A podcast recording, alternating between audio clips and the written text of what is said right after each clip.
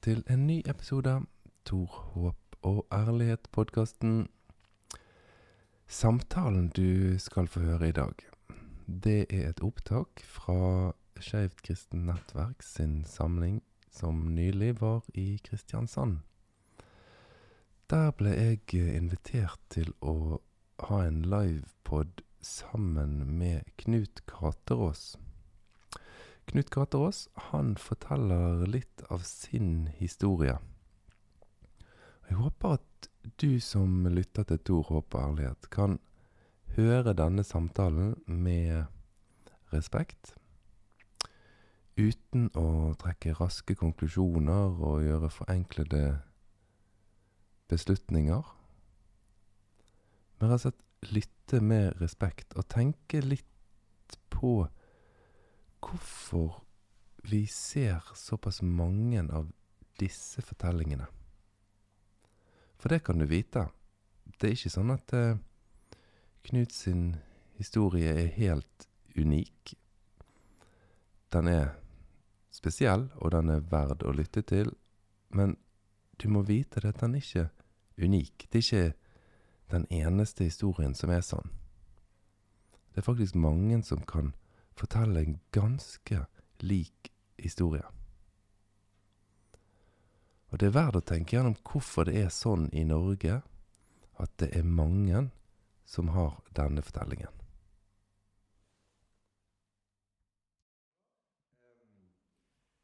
Vi i SKN i Kristiansand, eh, jeg vet at det gjelder alle SKN-er alle veier, eh, jeg er opptatt av litt ærlige historier, ærlige liv, ærlige fortellinger om eh, ekte liv.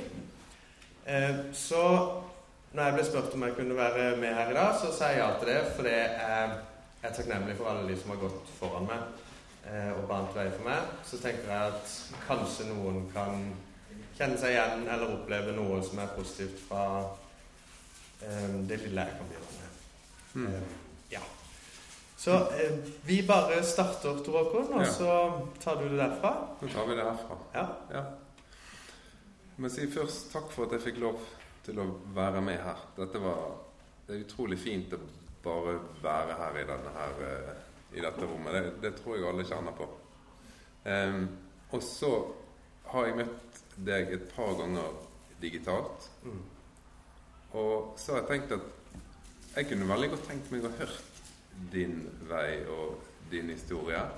Fordi at jeg tror det, jeg tror det er sunt å, som du sa, dele fortellinger med hverandre.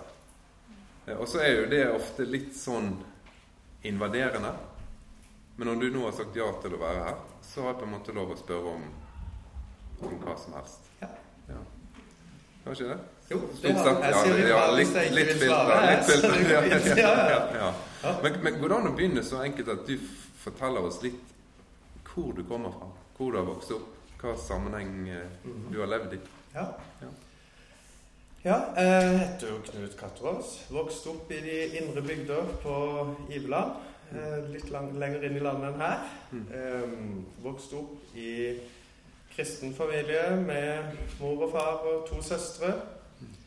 Um, gått og blitt oppdratt i eh, kristne sammenhenger. Mest bedehus eh, lokalt og de frie evangeliske forsamlinger, fri menighet. Uh, vært brukt egentlig store deler av livet mitt i de settingene. Um, hatt venner der, vært med i lovsang der, vært med på Yngres der, vært med på alt som skjedde der. Og mm, det miljøet som jeg vokste opp i, var ja, det var liksom en del av menighet, kristent uh, setting. Så det er liksom um, bakgrunnen min, det jeg vokste opp i. Når du sier bedehus fri evangelisk, evangelie, frie evangeliske? Ja. Det er dette? De frie evangeliske. Hva, hva er det for noe? Det er en frimenighet som er ja, setter nok ja, litt sånn Philadelphia-lignende menighet. Ja. Mm. ja. Hvor store var de miljøene du var en del av? De er ganske store i Norge. de har menighetslokaler rundt i de fleste byer. Her i Kristiansand så er det Betania. Ja. ja. Så det er, litt, det er ikke bare en sånn bitte liten gruppe? Ganske stor. Hele familien din? Eh, ja. hva skal vi det si, onkler og tanter? Ja, det, jeg har ikke sånn superstor familie, men eh, de, ja, det jeg hadde på den tida, var to tanter, egentlig. De var jo en del De av var en det. del av Ja. Ja. ja, så familiebesøk, hvordan er det? Er det fri evangelisk tema i Ja, det var nok det da. Når begge de to tantene døde, så jeg, jeg har ikke sånn superstor familie, bortsett fra søstrene mine da, og barn og sånn. mm. Eh, Men på den tida så var det nok mye i de settingene, og eh, familiebesøk besto jo av at man prata litt om det, og det var Ja, det var en del, stor del av det. Men opplevde du noen gang at du sjøl tenkte at ja, dette vil jeg være en del av? Eller er det bare så selvfølgelig i oppveksten at eh, det er sånn? Det tror jeg aldri jeg tenkte. Jeg tror bare eh, var så oppdratt i at det var man en del av. Eh, så det ønska jeg nok av det. Mm. Eh, det var liksom ikke så store alternativer. Og det var nok litt sånn at eh, de som ikke gikk i de riktige sammenhengene, var liksom ikke helt ordentlig gode nok Tenkte du det? Nei, ja, det var det som ble sagt ut og fortalt. Sånn som de som gikk i Den norske kirke, f.eks. De var ja, de var kanskje ikke helt frelst engang, liksom. Tenkte du det? Eh, Det var det som ble fortalt. Ja, men tenkte du det? Ja, jeg, ja, jeg gjorde nok det. Du gjorde det? Ja, jeg Hvor gammel var du da? Sånn ti-elleve, Ja. tenker jeg. Ja. ja, men i ti-elleveårsalderen, da kan en på en måte Jeg tenkte kanskje du tenkte det når du var voksen og Nei, jeg tror nok den ble åpnere og åpnere etter hvert, den tanken der, altså. Det tror jeg når man ble litt eldre og var rundt litt mer i andre miljøer sjøl òg. Mm. Mm. Men du er jo en person, iallfall føler jeg det nå Det lille jeg har blitt kjent med deg, så er du en person som naturlig tar tar plass. Ja. Ja, jo, jo, jeg tror det. Ja, og det tenker jeg er veldig positivt. sant? Altså Vi sitter her inne, og du åpner, så kjenner vi at ja, dette er jo dette er trygt, og dette er bra. Var du det i menighetsmiljøet? Ja, jeg tror nok jeg, jeg hadde gikk veldig inn i masse oppgaver og var alltid jeg var klar for å bidra, jeg, altså. Ja, så jeg, Ja, ja.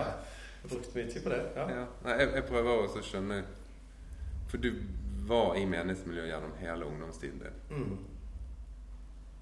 Men du vet ikke helt at, at på et punkt at du valgte det. Det bare var sånn.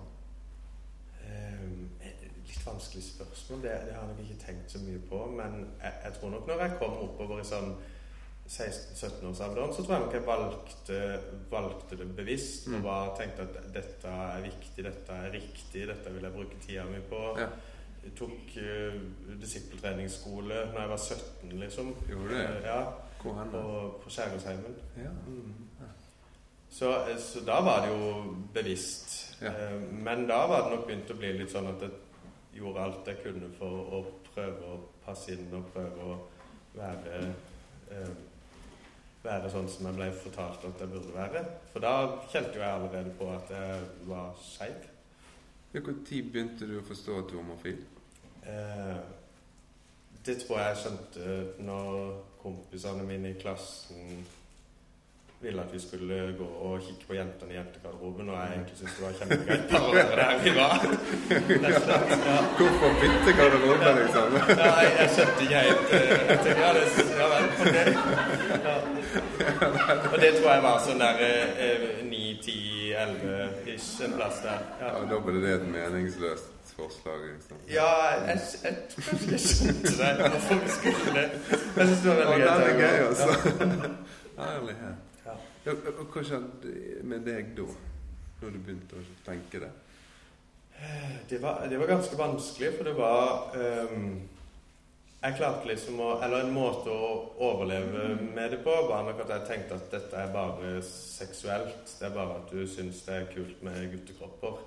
Eh, det handler ikke om at du blir forelska i gutter eller noe sånt.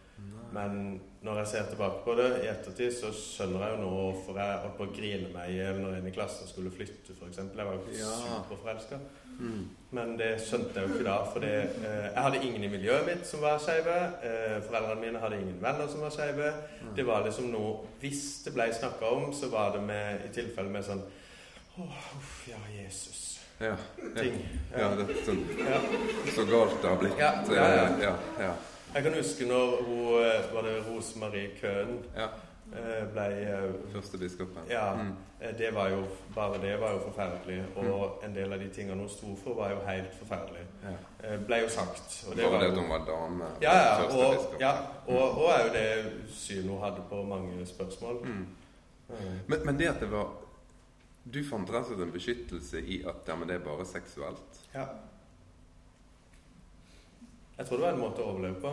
Jeg tror det var en måte å tenke at eh, dette går an, og dette kan du leve med sånn som du er blitt fortalt at du skal leve, uten at du Ja, at det jeg vet en mindre del av meg, eller Ja.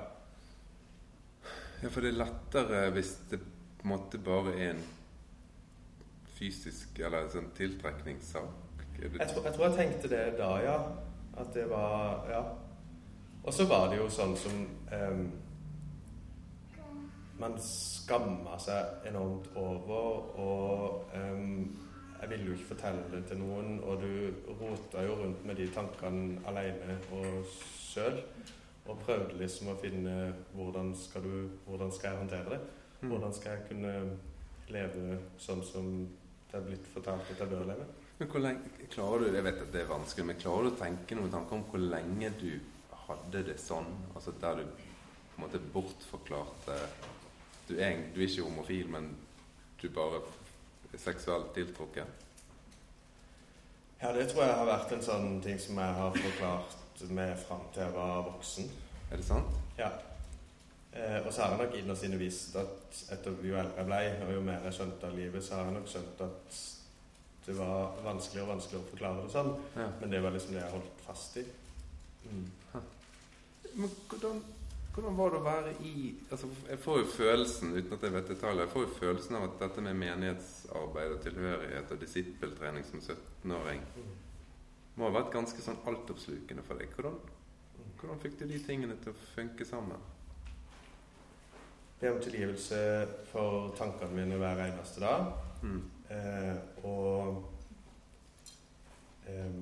skyve det vekk. Og fylle tida med alt jeg trodde var riktig. Og Altså, Ja. enda mer enda mer Jesus, enda mer Bibelen, enda mer møter, enda mer eh, stille opp og bidra og være med og engasjere seg og holde på.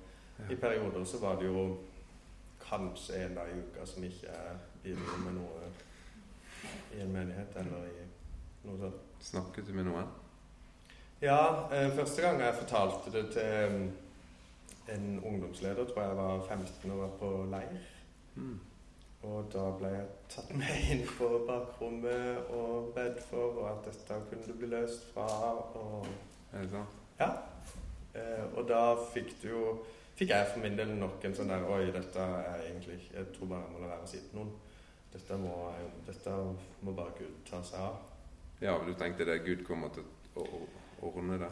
Ja, og det som jeg da ble fortalt, var at hvis, den, hvis jeg prøvde å leve sånn som Bibelen sa, da, i denne personen sin tolking av Bibelen, eh, så måtte jeg jo bare leve riktig, så ville Gud eh, ta seg av det og hjelpe meg med det.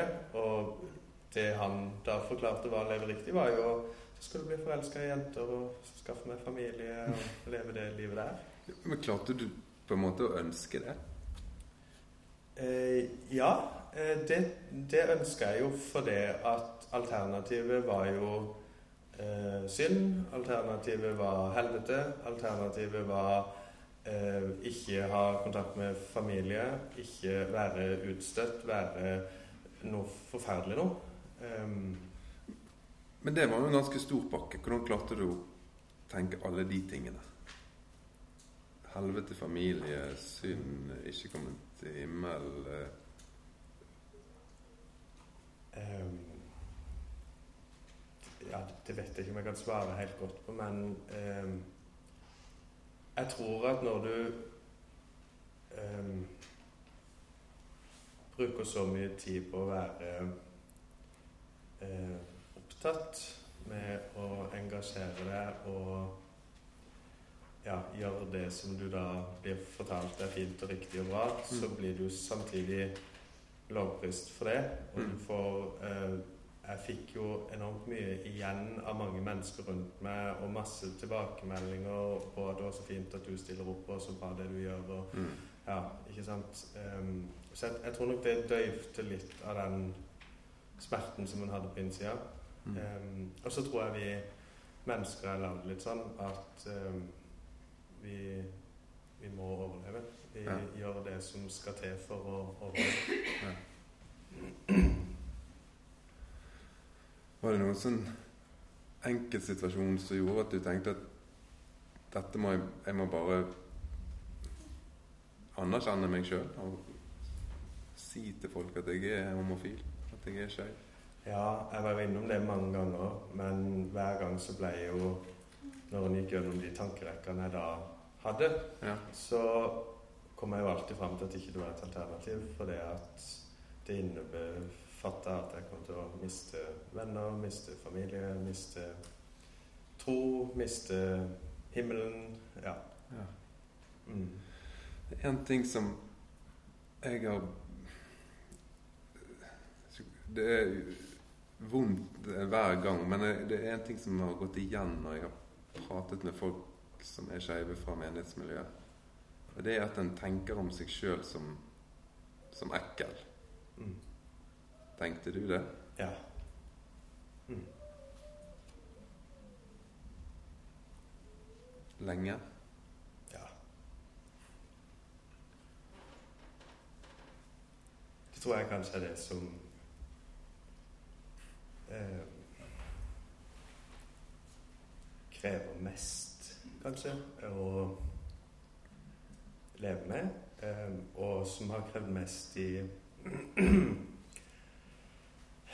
Har krevd mest i ettertid å klare å snu på.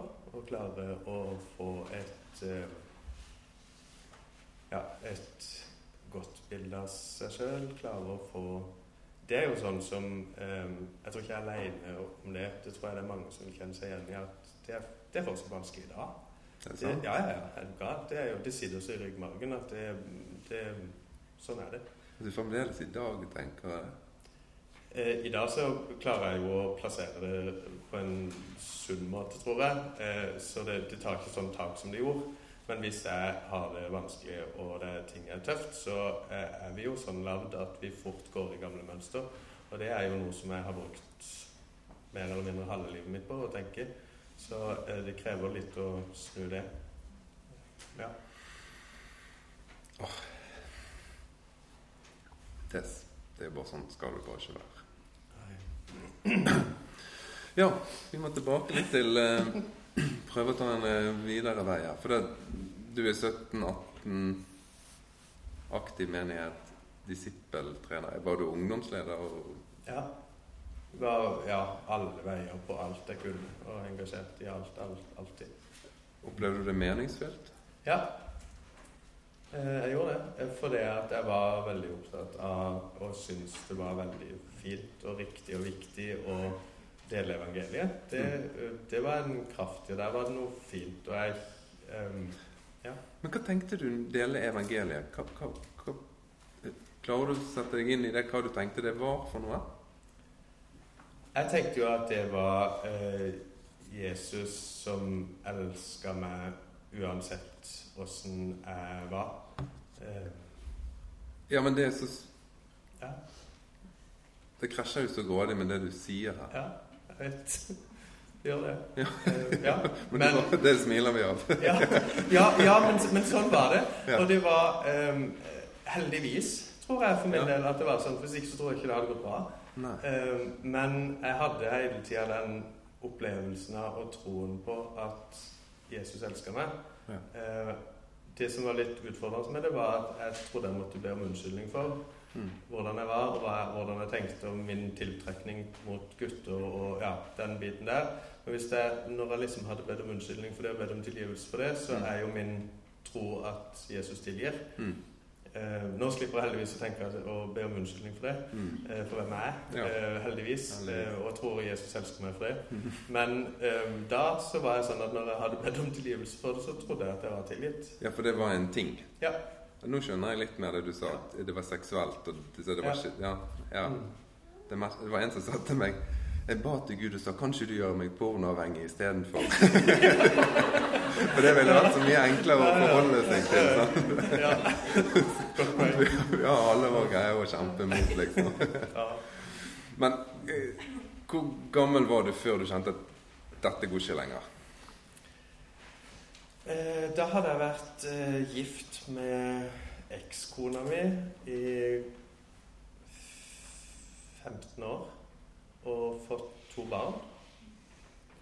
Og ehm, kom til et punkt der jeg bare ehm, Alt innhenta meg bare. Mm. Eh, og kjente at eh, Enten så har eh, ungene dine en homofil pappa, Mm. eller så har de ikke noe pappa. Ja. Du tenkte det? Ja. Orker du å fortelle litt veien din inn i det å gifte deg heterofilt? Ja.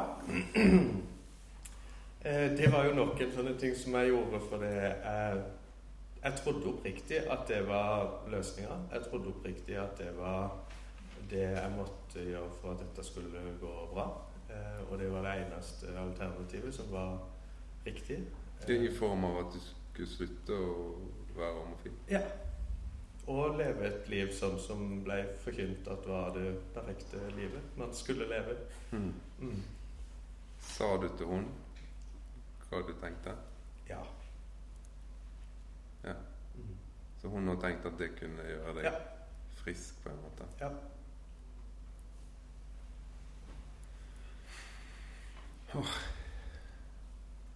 Men så har jo du to, to barn. Mm. Så du kan allikevel ikke si at du angrer på at det ble sånn. Nei. Eh, når jeg tenker på de, så tenker jeg at jeg hadde Hvis alternativet er å ha de eller ikke ha de, så tenker jeg jo at jeg hadde gjort samme igjen. Selvfølgelig. ja, ja. Mm. Glatt. Det er liv, altså. Ja, ja. Crazy. Men samtidig så um, er det jo fryktelig mye man har gått glipp av, fryktelig mye som ikke burde vært sånn. Og jeg tenker for ekskona mi òg. Mm. jeg tenker det er mye som kunne vært annerledes for sin del òg, Mm. og som burde vært det. Mm. Men så er det jo en gang sånn det er, da. At livet er sånn, og Ja. livet har blitt sånn. Så da må man ta, ta det derfra. Ja. Ja. Mm. Vi skjønner at det må ha vært vanskelig å komme ut av det berømte skapet, men kan du fortelle oss litt om hvordan det var? Hva som førte til ja, du sa jo i sted at det var enten Mm. så har din pappa, altså så har de det ikke, men kan du si litt mer om det? Ja, eh, da var det nok eh, støtte fra eh, mennesker rundt som begynte å gjøre at ballen begynte å rulle. Mm. Eh, og så eh, kom jeg til den erkjennelsen at dette går ikke. Jeg kan kan ikke leve sånn som dette. Det, det, det blir, hvis det er noe som er feil, så er det det. Ja. Eh, og da var det egentlig bare å begynne en kant og bare begynne å fortelle. Um, og da må du jo begynne med ekskona, da. og det er klart, det er ikke sånn Det er ikke verdens letteste ting å skulle si at jeg beklager, men ekteskapet vårt har vært bygd på en løgn, egentlig. Um, Men nå har du på en måte visst Det er ikke en løgn, men Nei da, eh, nå setter jeg det på spissen, men det, det oppleves jo sånn når man Mm. skal si at vet du noe, dette, dette, går, dette går ikke. Vi må stoppe. Ja. Vi må gjøre totalt helomvending, for så dette livet funker ikke. har dere snakket mange ganger gjennom de årene om, om at du var seksuelt tiltrukket av menn? Ja. Ja. Det, ja, Så det var ikke noe sånn ut av det blå? Nei da. Nei. Nei.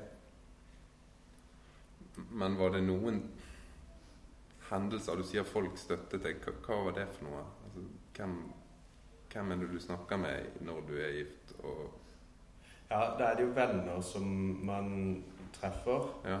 Eh, og når jeg da begynte å hadde fått fortalt til, eh, til ekskona, så begynte jo jeg å kjenne at jeg trenger et nettverk. Jeg trenger noen som en kan lene seg til. Mm. Eh, og da finner du jo, finner du jo det. Mm. Eh, og så hadde jeg jo venner da som, som jeg fortalte det til, som var kjempestøttende. Men dere var fortsatt begge to aktive i menighetsarbeidet? Ja, eh, da fortalte jo jeg til styret òg i menigheten. Jeg gikk jo og var ungdomsleder i og leda lovsanger og sånn. ungdomsleder fremdeles? Ja. ja. Da fortalte jeg jo de at eh, hvordan alt var. ja. Og da begynte jo den runden samtidig med om jeg skulle få lov å fortsette eller ikke, eller om det var innafor eller ikke. Og det, det pågikk jo i halvannet år, en sånn prosess om får du lov å fortsette eller får du ikke lov å fortsette. Så, ja. Der, der du var i møter og diskuterte? Ja. Og der de hadde møter og diskuterte med deg. Og mitt liv, om det var innafor eller ikke. Og, Hva tenkte du da? Nei, da var jeg rimelig ute, og det var helt forferdelig og kjempetøft og alt mulig. Um, og så, heldigvis da, i den i, Når jeg var kommet bitte grann ut i den prosessen, så eh, traff jeg jo Bård, som jeg er gift med i dag. Mm. Fin mann. Ja, veldig. eh, og det var jo deilig, for da eh, traff jeg noen som eh, ja, som kunne støtte på en litt annen måte, Mm. og som ja, som har en enorm kraft til å gå inn i de settingene. Mm.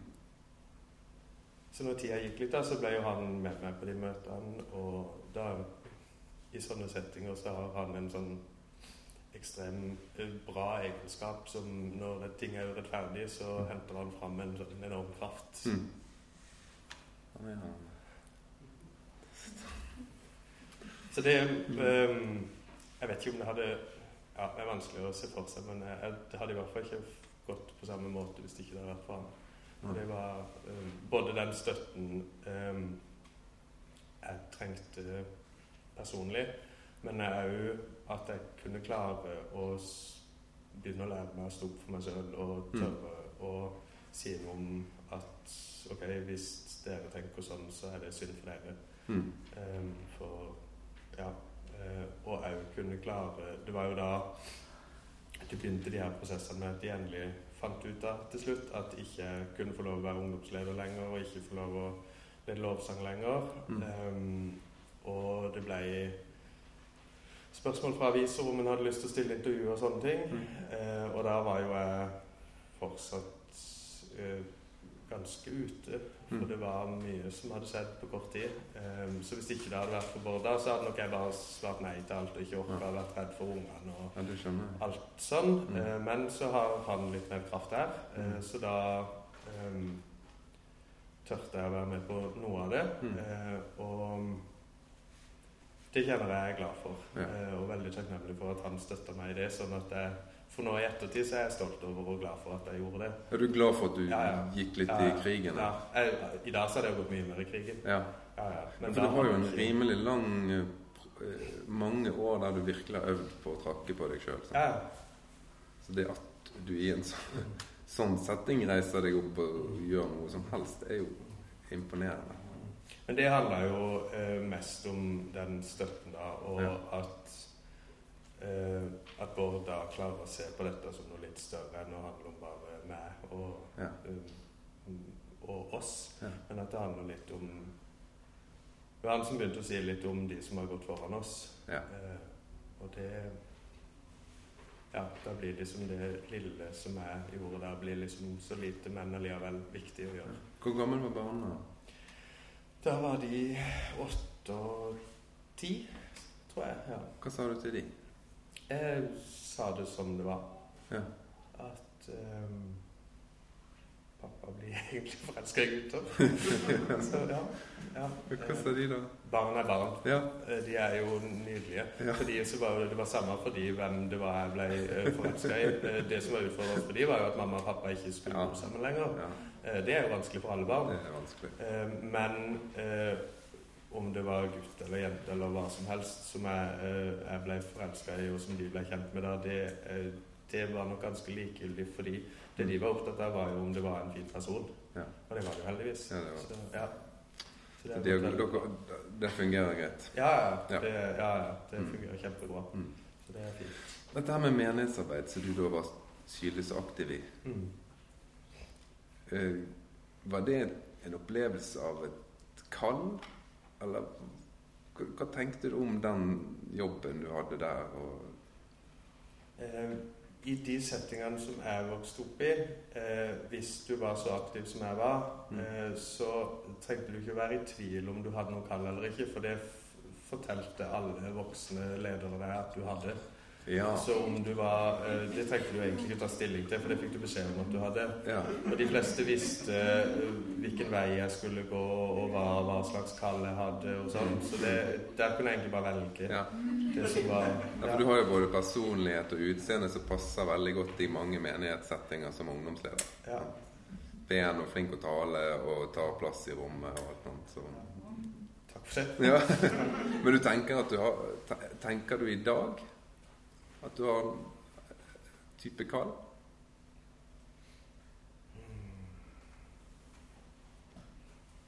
Ja, det vet jeg ikke helt, eh, rett og slett. Det um, Jeg kjenner jo at jeg har et ønske om at um, at folk skal få lov å kjenne Jesus og oppleve den kjærligheten som jeg opplever at han har til oss. Det kjenner jeg veldig på. For den er så enormt mye større enn all den her dritten som har vært. Det, er så, det ligger liksom så milevis ifra. Eh, og den har vært der hele tida. Jeg syns fortsatt det er rart å forstå at noen skeive i det hele tatt vil ha noe med kristendommen å gjøre. Mm. Mm. Ja. Det har, vært, det har vært deilig å ha litt avstand fra det. Ja. For nå ser jeg, eh, for min del, som har vært så ekstremt oppdratt og oppvokst i det, Ja. så har det vært sunt, tror jeg, for min del, å steppe litt tilbake. For når jeg, sånn, når jeg er i kristne settinger igjen nå, Mm. så blir det sånn Oi, hva skjer der? Mm. Hva er det vi holder på med nå? Ja. Eh, og så eh, Før tenkte jeg jo at det var sånn det var, for det var jo det var så vant med. Men, men hva som gjør at bildet ditt av kristendommen, tro, Jesus, er blitt så annerledes? Hadde du ikke behov for å bare kaste hele greien på haugen? Um, Jeg har nok behov for å kaste mye av det her eh, Det som menneskene oppi det sa og gjorde, hadde jeg nok behov for å kaste vekk. Men den eh, personlige, indre opplevelsen av troen min og av Jesus som noe jeg holder meg fast i Mm. um, Det var nok òg noe av det som gjorde at det gikk bra. Ja. Uh, For når jeg begynte å være ærlig med meg sjøl og med verden rundt, så, um, så opplevde jeg jo en enda større nærhet og en enda større kjærlighet fra Gud. Men aleine, og ikke i, på en plattform eller på et møte. Eller, ja.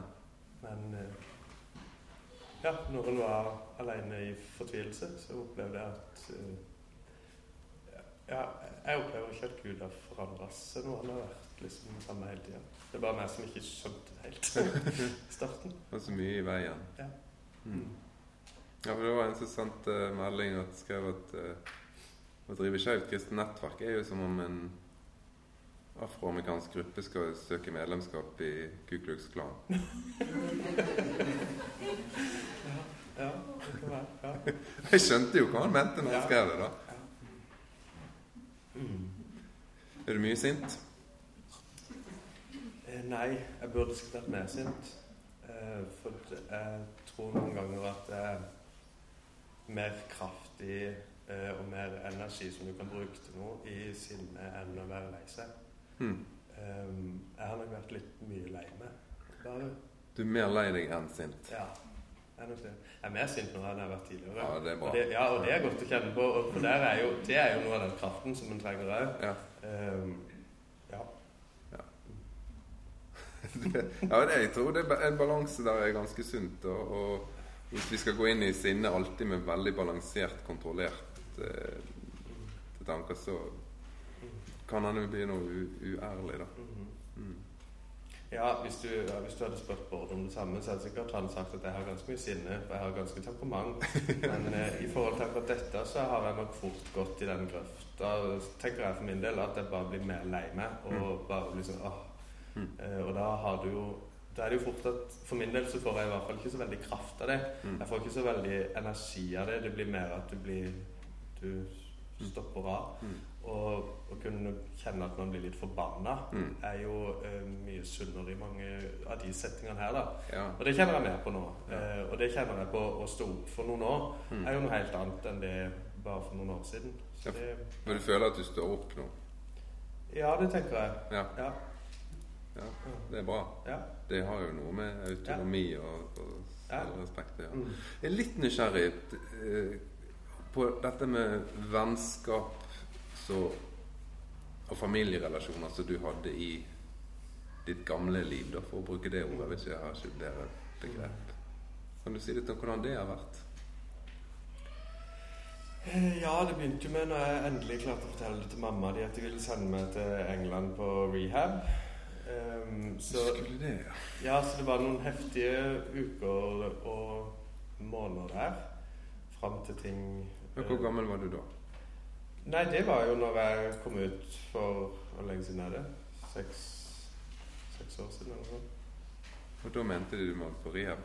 Ja, og det, det, det har de bedt om unnskyldning for i ettertid, altså. Ja, ja. Og uh, for de så var det nok litt sånn at uh, jeg brøt opp familien min, og de var bekymra for barnebarna sine, Mm. og de så at jeg var fullstendig ute og i fullstendig krise. Mm. Eh, så de var nok litt sånn og tenkte at jeg skulle komme av gårde og få litt hjelp til dette her. Mm. Eh, men heldigvis så har jeg spurt opp i ettertid om ville dere gjort det samme i dag. Mm. Eh, og det sier de at det ville jo ikke gjort. Nei. For nå har de skjønt litt mer. De har det? Ja, heldigvis. Mm. Mm. Hva som gjorde at de begynte å skjønne? Jeg tror kanskje det var at de måtte gå noen runder med seg sjøl og måtte ta stilling til noe som de før ikke hadde tatt stilling til, men Mm. bare adoptert holdninger Mm. I et miljø. Mm. Mm. Ja. Venner, da? Ja, der har jeg vært ganske heldig, for det er få som har vendt ryggen pga. dette. De fleste har vært eh, inkluderende og forståelsesfulle i forhold til det. De har det. Ja. Går du der i menigheten i dag? Nei, Nei. det gjør jeg ikke. Jeg var medlem der ganske lenge etterpå, men når du får beskjed om at jo, du er et likeverdig medlem som alle andre, men Mm. eh, du får ikke lov til å bidra med noe, og du eh, De tingene som du brenner for, og som er viktige for deg, det kan du faktisk ikke være med på, men du er likeverdig medlem. Mm. Så sier jeg at da er du jo ikke det. Eh, og da var jeg medlem en stund for å egentlig kanskje for å provosere litt. Bare. Men eh, det hjalp ikke så veldig, så da fant jeg ut at jeg ja, meldte meg ut. Mm. Mm. Ser du for deg å være med i type menighetsarbeid i fremtiden? Ja, det tror jeg. Eh, I et miljø som er inkluderende overfor alle. Mm. Så kan det godt være. Ja. Litt tilbake til den følelsen av Så du sier fortsatt det, det For meg er det Det er så hjerteskjærende. sant? Følelsen av å mislike seg sjøl og tenke om seg sjøl som ekkel. Mm. Så, så opplever jeg på det du sier, at det er noe som har har mindre påvirkning på deg i dag. Mm. Kan du klare å sette noe ord på hva som gjør at du klarer å legge den følelsen mer og mer bak deg?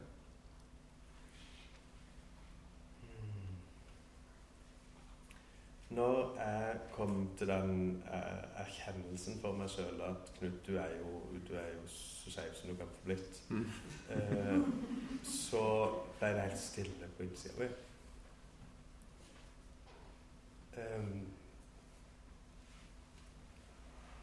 da ble det liksom mm, ro og ja, eh, ikke kaos.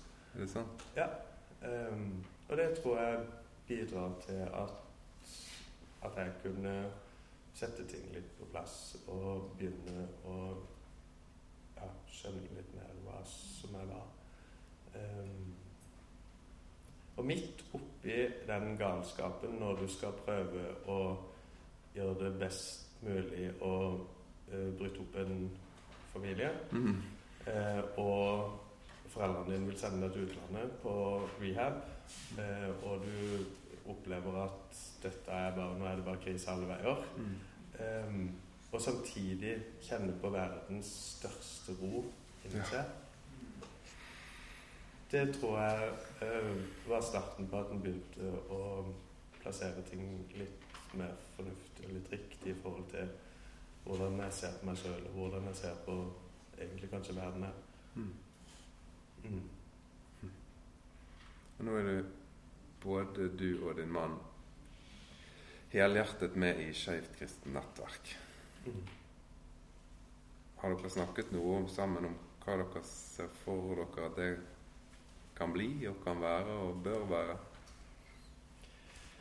Eh, ikke sånn veldig.